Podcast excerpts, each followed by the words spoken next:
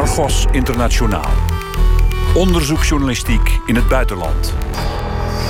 A high ranking police official is under pressure to resign after allegations that he had a relationship with a teenage activist while working as an undercover officer.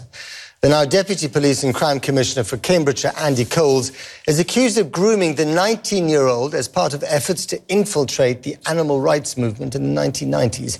She's now planning to sue Scotland Yard. U hoorde een fragment van de televisiezender Channel 4, gisteravond uitgezonden in Groot-Brittannië.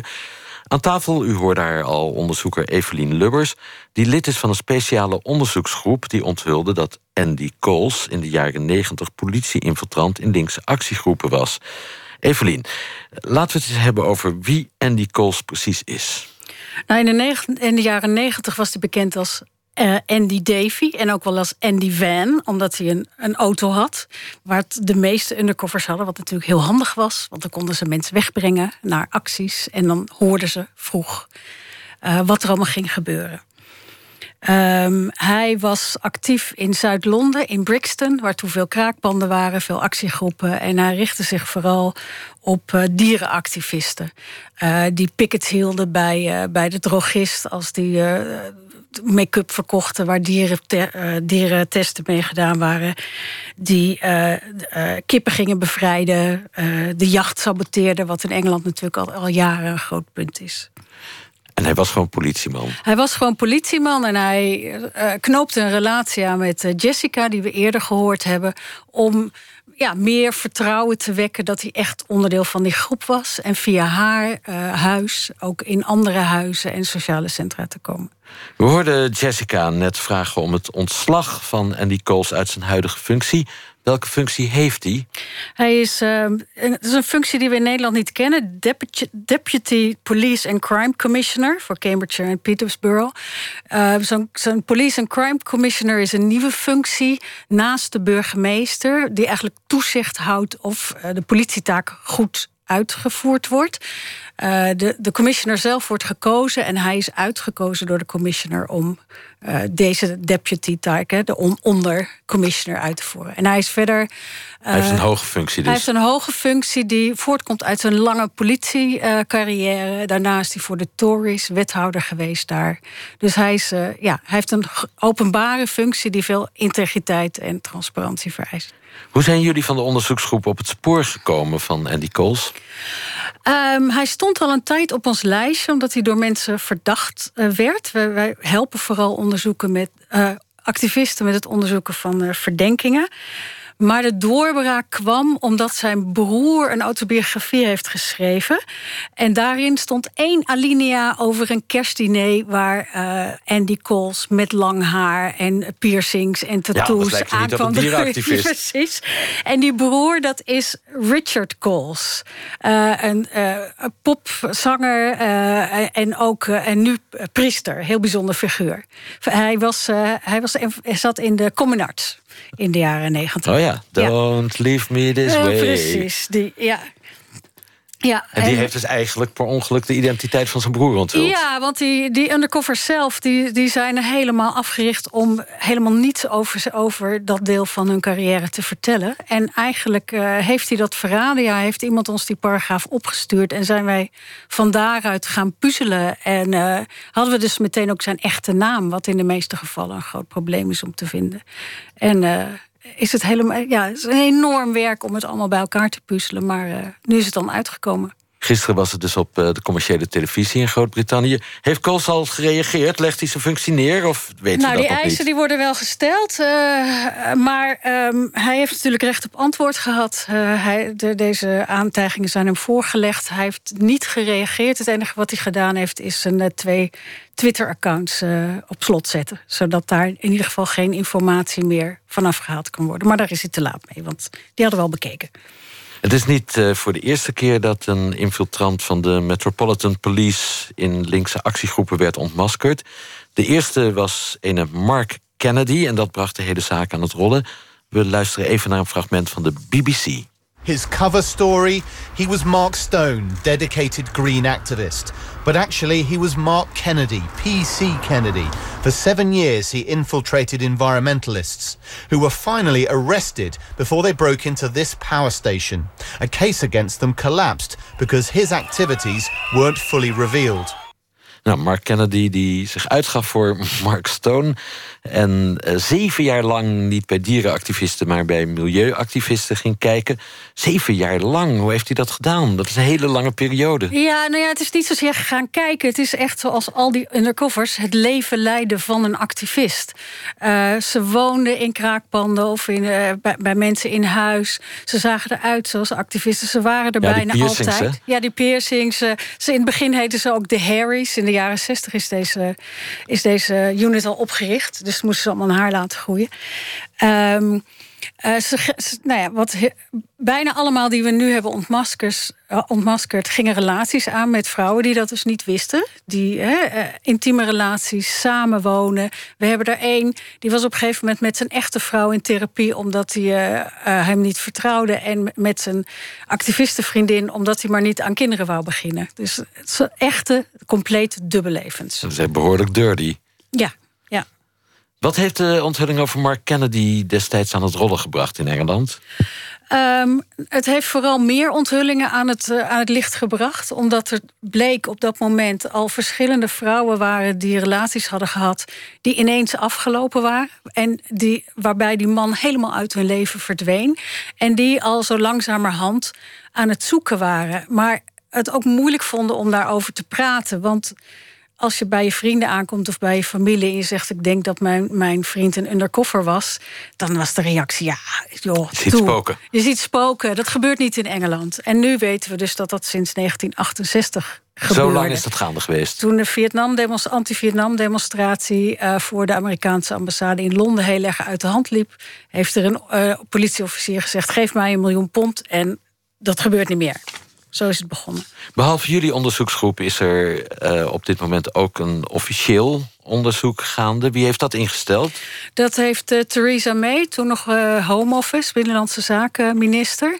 En dat kwam omdat er een tiental interne politieonderzoeken waren geweest. En die hielden alles uh, binnenskamers en er was niks aan de hand. En, uh, terwijl er intussen steeds meer schandalen naar buiten kwamen. Dus toen er één onderzoek op een gegeven moment, een wat onafhankelijker onderzoek, uh, was, waaruit bleek dat. Uh, een klokkenluider had gezegd dat er ook de Black Justice Campaigns, dus familie van zwarte mensen die door politiegeweld om het leven waren gekomen, waaronder de ouders van Stephen Lawrence, Doreen Lawrence, die intussen in de, in de Eerste Kamer zit zelfs, dat die ook bespioneerd waren toen, dat was de druppel die de emmer liet overlopen. En toen heeft zij gezegd: er moet een independent, een onafhankelijk onderzoek komen door een, door een rechter geleid. En dat is nu al bijna drie jaar aan de gang.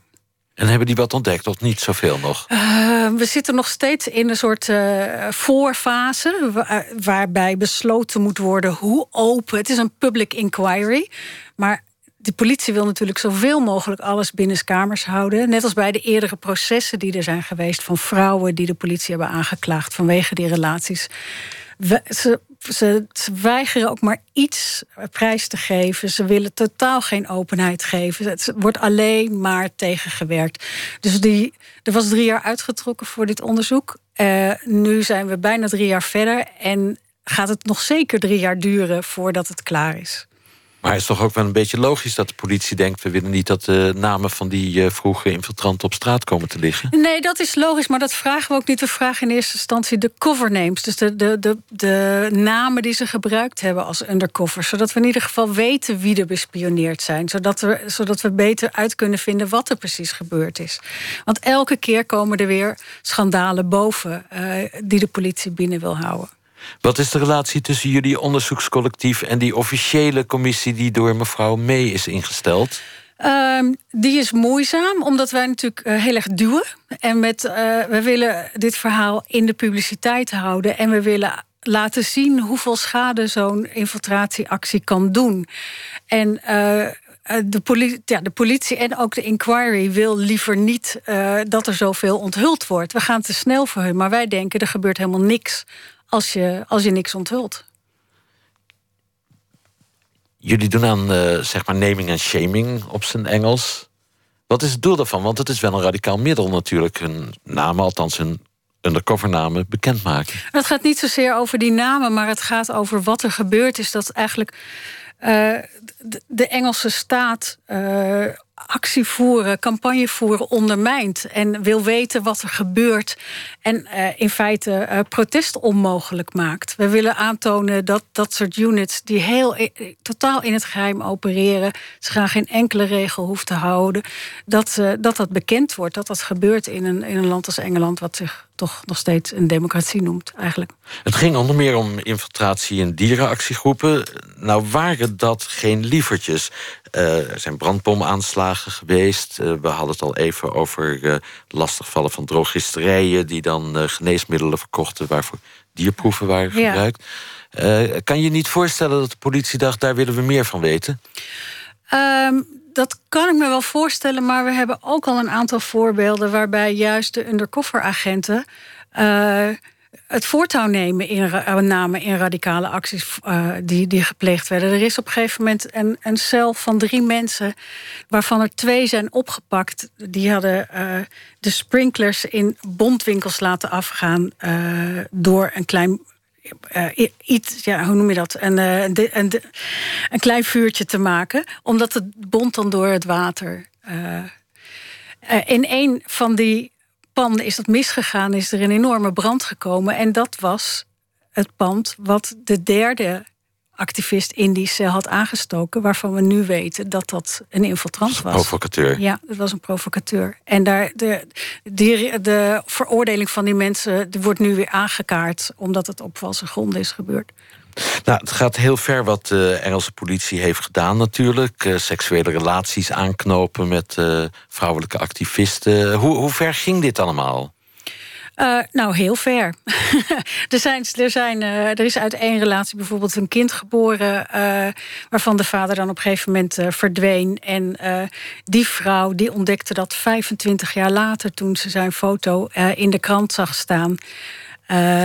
Dat hij een undercover was geweest. En dit is, dat is dezelfde man, Bob Lambert, die ook die uh, agent provocateur was. En die ook later, nadat hij zelf undercover was, die unit is gaan leiden. Dus die het, het voorbeeld heeft gegeven. Hij eh, werd erg hoog aangeschreven. En die is later ook academicus geworden. En dat heeft dat nooit onthuld. Hoe ben jij als Nederlandse eigenlijk in dat onderzoekscollectief in Groot-Brittannië terechtgekomen? Uh, nou, ik heb het opgericht. En dat komt omdat ik heel veel ervaring had in Nederland. Heb ik bureau Jans en Jansen ooit opgericht in de jaren tachtig. Wat was dat? Mij, dat, toen, dat hield zich vanuit de actiebeweging ook met het uh, monitoren van politie en inlichtingendiensten bezig. Um, later kwamen we erachter dat ook bedrijven infiltranten de actie, actiewereld in uh, stuurden. Daar heb ik boeken over geschreven. Ik ben daarop gepromoveerd. En dat werd. Ja, dat onderwerp is heel internationaal. Dus ik was op een gegeven moment. Ik ben in Engeland gepromoveerd. En ik heb ook. Uh, ik, ja, ik heb daar veel meer contacten intussen. En er gebeurt daar veel meer. Even voor mijn geruststelling, dit gebeurt in Nederland toch niet? Undercover politieagenten die uh, activisten bezwangeren. We weten dat er Engelse uh, undercovers in Nederland actief zijn geweest. Moeten we nog meer over uitzoeken. Um, we weten niet in we weten niet goed in hoeverre dat in Nederland ook gebeurt. Het gebeurt natuurlijk vreselijk in het geheim. Dus uh, het, uh, het staat nergens opgeschreven. Mocht dit volgens de Engelse wet? Uh, intussen misschien niet meer met een nieuwe wet die er is gekomen. Maar het was vooral zo geheim en het kwam nooit voor de rechter. Het werd nooit getoetst. Dat niemand het eigenlijk wist dat het gebeurde. De, dus of het mocht of niet, ze deden het gewoon. Andy Coles, de broer van de Reverend Richard Coles van de Commonards, was een politiespion, een infiltrant die relaties aanknoopte met vrouwelijke activisten om ze te bespioneren. Ik ga dit met rode oortjes volgen, Evelien. Oké, okay, dankjewel. En dank voor je komst, Evelien Lubbers. Dit was Argos dus voor uh, deze zaterdagmiddag. Morgen meer onderzoeksjournalistiek bij de collega's van Reporter Radio om 7 uur op NPO Radio 1. Het gaat onder meer over de verkiezingen morgen in Noord-Rijn-Westfalen in Duitsland en de rol van de rechtsradicale AFD daarin.